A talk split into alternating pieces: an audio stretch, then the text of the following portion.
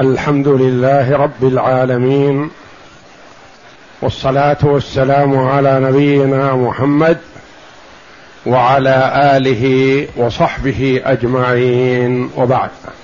بسم الله. بسم الله الرحمن الرحيم. الحمد لله رب العالمين والصلاة والسلام على أشرف الأنبياء والمرسلين نبينا محمد وعلى آله وصحبه أجمعين. قال المؤلف رحمه الله تعالى باب الحساب. نعم. أي حساب مسائل الفرائض؟ لا وإن تريد قال الناظم رحمه الله وإن ترد معرفة الحساب لتهتدي به إلى الصواب وتعرف القسمة والتفصيل وتعلم التصحيح والتأصيل فاستخرج الأصول في المسائل ولا تكن عن حفظها بظاهر فإنهن سبعة أصول.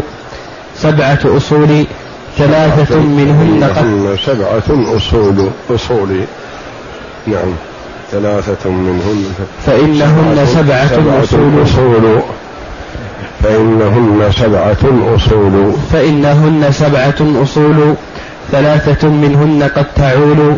وبعدها أربعة تمام. لا عول يعروها ولا انثلام.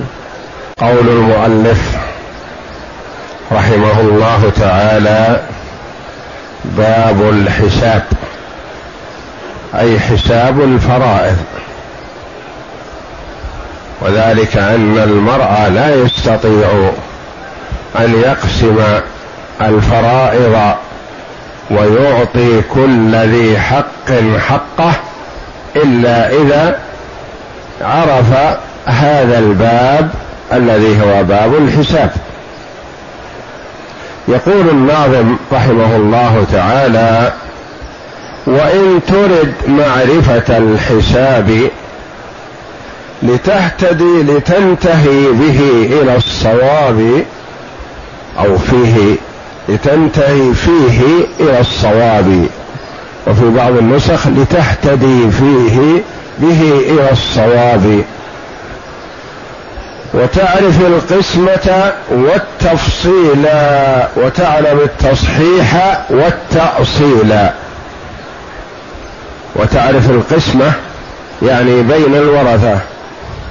والتفصيل بأن تعطي كل ذي حق حقه.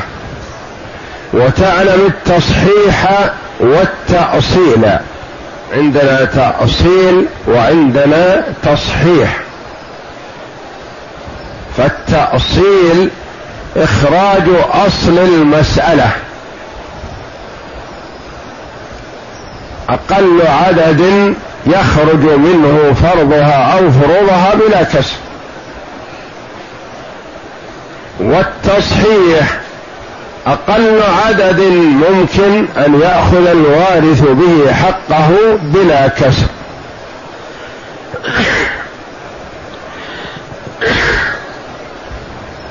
لله رب العالمين وصلح عليكم فاستخرج الأصول في المسائل يعني اعرف الأصل من المسألة وسيأتينا بيان المسألة والأصل.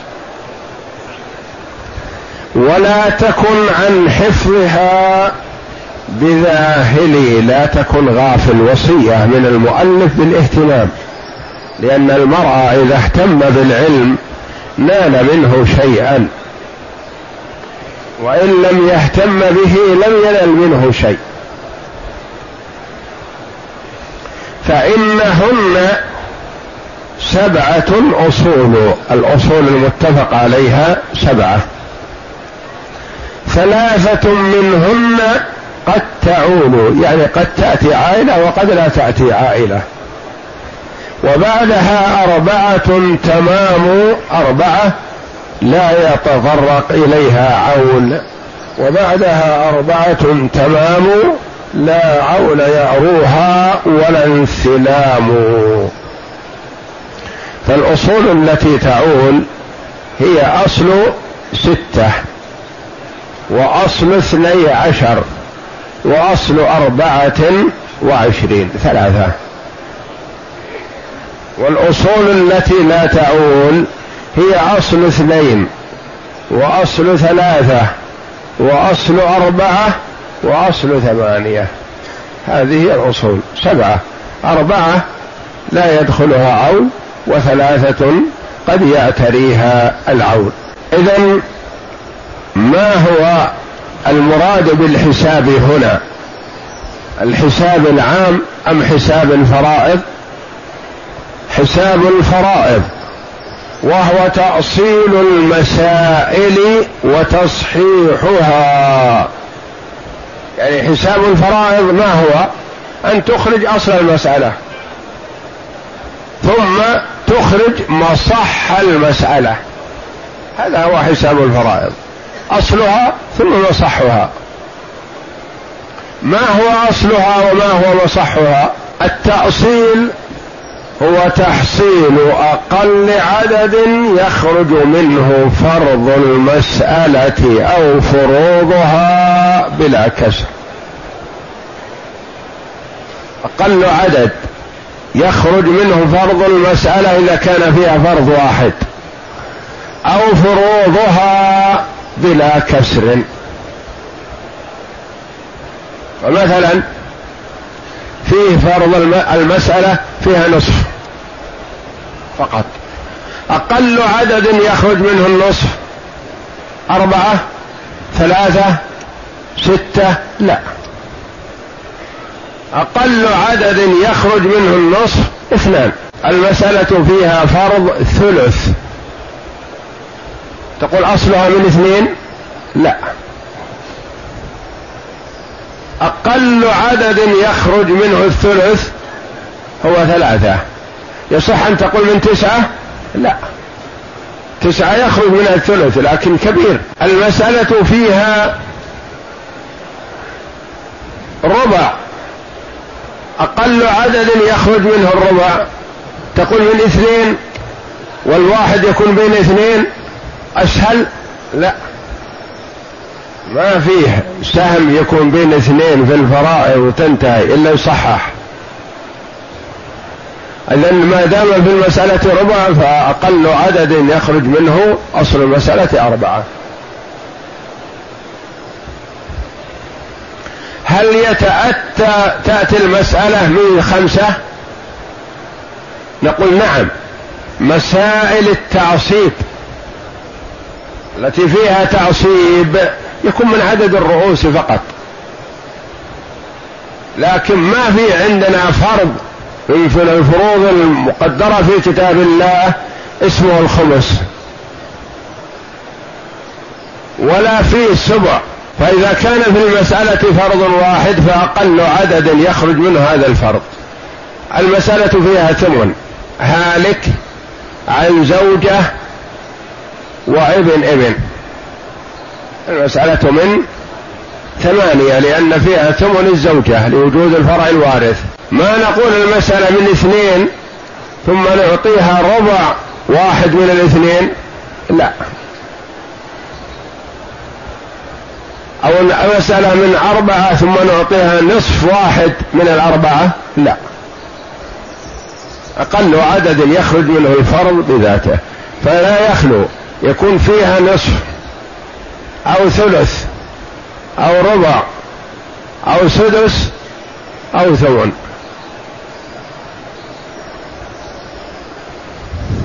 فإن كان فيها نصف فمن اثنين فيها ثلث من ثلاثة فيها ربع من أربعة فيها سدس من ستة فيها ثمن وهو أقل فرض من ثمانية. فمخرج كل فرض من سمية إلا النصف فمخرجه من اثنين. النصف ما له سمي الثلث من ثلاثة الربع من أربعة السدس من ستة الثمن من ثمانية وهكذا. قد يكون في المسألة فرضان. يكون فيها نصف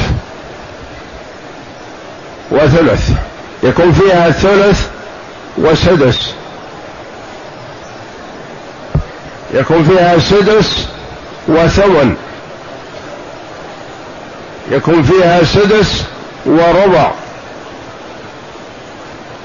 يكون فيها ثلثان وثمن. فرضها كذا فكيف نخرج إذا كان فر إذا كان في المسألة فرضان أو أكثر؟ نقول ننظر بين هذه الفروض. إن كانت متفقة فمن مخرج أحدهما وإن كانت مختلفة فلا يخلو. إن كانت متوافقة بجزء من الأجزاء أو متباينة. فمثلا في المسألة نصف وربع. نصف وربع. نقول مخرج النصف يخرج من مخرج الربع فنقول مسألة من أربعة. فيها بنت وزوج. بنت تأخذ النصف والزوج يأخذ الربع لوجود الفرع الوارث. كيف نخرج مخرج الفرضين؟ نقول من الأربعة لأن الأربعة لها نصف ولها ربع المسألة فيها نصف وثمن. النصف يخرج من مخرج الثمن. مخرج الثمن من ثمانية ومخرج النصف يخرج من الثمانية. فنقول مسألة من ثمانية. فيها نصف للبنت وثمن للزوجة من ثمانية. فيها ثلث ونصف ثلث ونصف انتبه. الثلث يخرج من ثلاثة والنصف يخرج من اثنين. والثلاثة والاثنين غير متفقين. نريد عدد يخرج منه الفرضان. أربعة ما يخرج. الأربعة لها نصف لكن ليس لها ثلث. خمسة. خمسة ليست من الأصول أصلا. ستة نعم. ستة ممكن. ستة لها نصف. نصفها ثلاثة ولها ثلث. ثلثها اثنان. نصف وثلث. مخرج النصف من اثنين ومخرج الثلث من ثلاثة نضرب الاثنين في الثلاثة تخرج ستة. الزوج له نصف والأم لها الثلث. والباقي لأولى رجل ذكر. ثلثان ونصف. ثلثان ونصف. مخرج الثلثين من ثلاثة.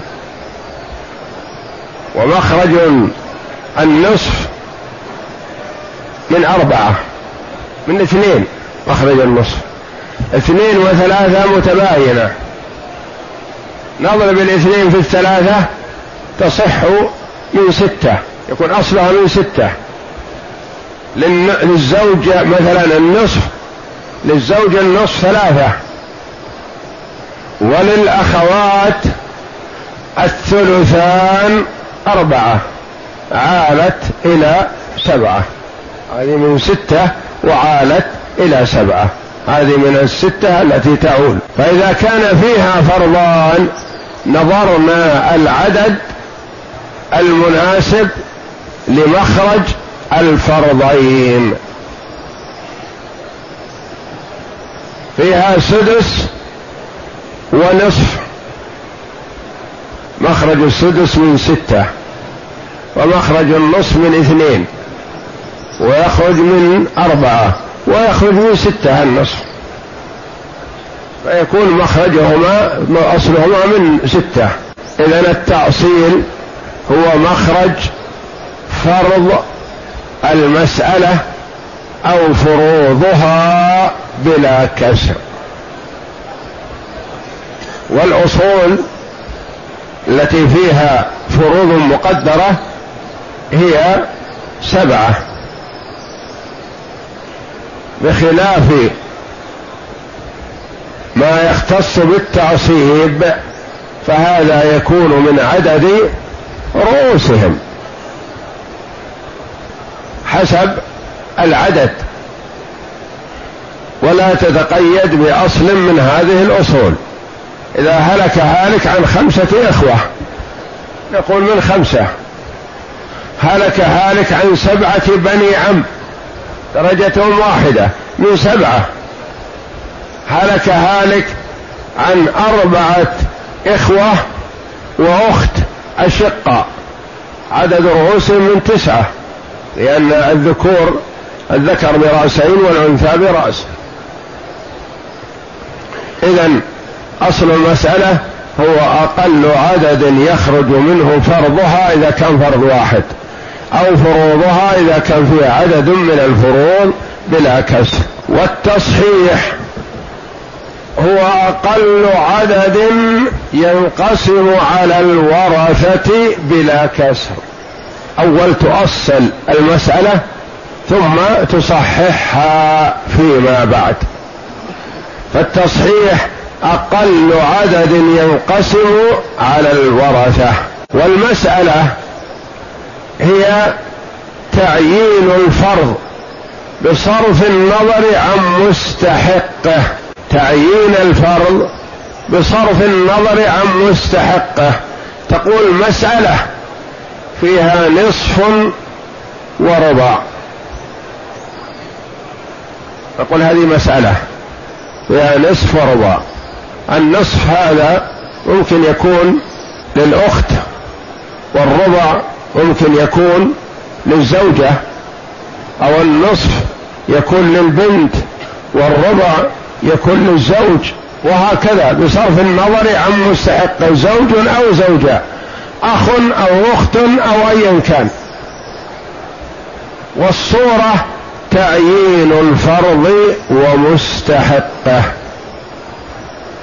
صورة إذا عينت الفرض فقلت هلك هالك عن أم وعم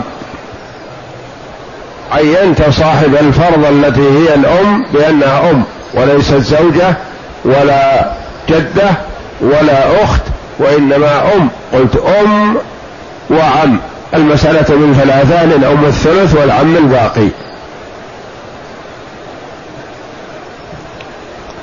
فأصول المسائل ما تتجاوز السبعة هذه المتفق عليها والمختلف فيها أثن اثنان أصل ثمانية عشر وستة وثلاثين وهل هما أصلان في باب الجد والإخوة أو مصحان من المصحات؟ هلك هالك عن عم وزوجة. هذه نسميها صورة أو نسميها مسألة؟ هذه صورة لأن عينا صاحب الفرض الزوجة. يقول المسألة من أربعة للزوجة الربع واحد والباقي للعم هلك هالك عن جدة وابن أخ. المسألة من ستة للجدة السدس واحد ولابن الأخ الباقي. مسألة فيها ثمن وثلثان. هذه نسميها مسألة. مسألة. أو الربع وثلثان. هذه نقول لها مسألة. لأن الربع قد يكون للزوج مع الفرع الوارث. وقد يكون للزوجة مع عدم الفرع الوارث والثلثان قد يكونان للأختين وقد يكونان للبنتين أو بنتي الإبن بصرف النظر عن مستحق. هلك هالك عن بنتين وعم. المسألة من ثلاثة. للبنتين الثلثان اثنان وللعم الباقي واحد. الثلثان اثنان المسألة من ثلاثة الثلاثة هذه أصل أم مصح؟ أصل. هلك هالك عن بنتين وعمين. المسألة من ثلاثة. للبنتين الثلثان اثنان وللعمين الباقي واحد. يصلح كذا ننتهي لا. هذه أصلناها لكن تحتاج إلى تصحيح لأن واحد نقول للعمين ما يصلح. لازم نقسم بينهم. فنقول رؤوسهم اثنان وسهامهم واحد مباينة. نضرب الرؤوس اثنان في أصل المسألة ثلاثة فتصح من ستة. صارت الستة هذه مصح أو أصل؟ مصح. اثنين في ثلاثة بستة. للبنتين اثنان في اثنين بأربعة لكل واحدة اثنان. وللعمين واحد في اثنين بإثنين لكل واحد منهما واحد. هلك هالك عن عم وزوجة. المسألة من أربعة الزوجة الربع والباقي للعم تعصيبا. هلك هالك عن زوج وبنتين. زوج وبنتين. زوج وبنتين. المسألة من ما لما قلت من اثني عشر؟ لأن فيه زوج له الربع لوجود البنتين. وللبنتين الثلثان. وربع وثلثان. الربع يخرج من أربعة ويخرج من ثمانية. لكن الثلثين ما تخرج من أربعة ولا من ثمانية وإنما الذي يجمع الفرضين هو اثنا عشر. اثنا عشر فيها ربع وهو ثلاثة وفيها ثلثان وهي ثمانية. فالمسألة من اثني عشر للبنتين الثلثان ثمانية. وللزوج الربع ثلاثة. والباقي لأولى رجل ذكر. للزوج الربع ثلاثة من اثني عشر وللبنات الثلثين ثمانية من اثني عشر. يبقى واحد يأخذه أولى رجل ذكر. هلك هالك عن أم وأخوين لأم. المسألة من من ستة. لأن للأخوين لأم الثلث وللأم السدس لوجود الأخوين. ومخرج السدس من ستة والثلث يدخل ضمنه. فالمسألة من ستة للأم السدس واحد. وللأخوين لأم الثلث اثنان لكل واحد واحد والباقي لأولى رجل ذكر. عصبة. هلك هالك عن جدة وأم وأب وجد. وابن عن أب وجد وأم وجدة وابن خمسة. المسألة من من ستة. للأب السدس واحد وليس للجد شيء. وللأم السدس واحد وليس للجدة شيء. والباقي للإبن تعصيبا اجتمع المستحقون للإرث من الرجال كلهم. الأب والابن والجد وأبناء الابن والزوج والإخوة وبنوهم والأعمام وبنوهم. من يرث منهم المستحقون للميراث من الرجال فقط المسألة من كم؟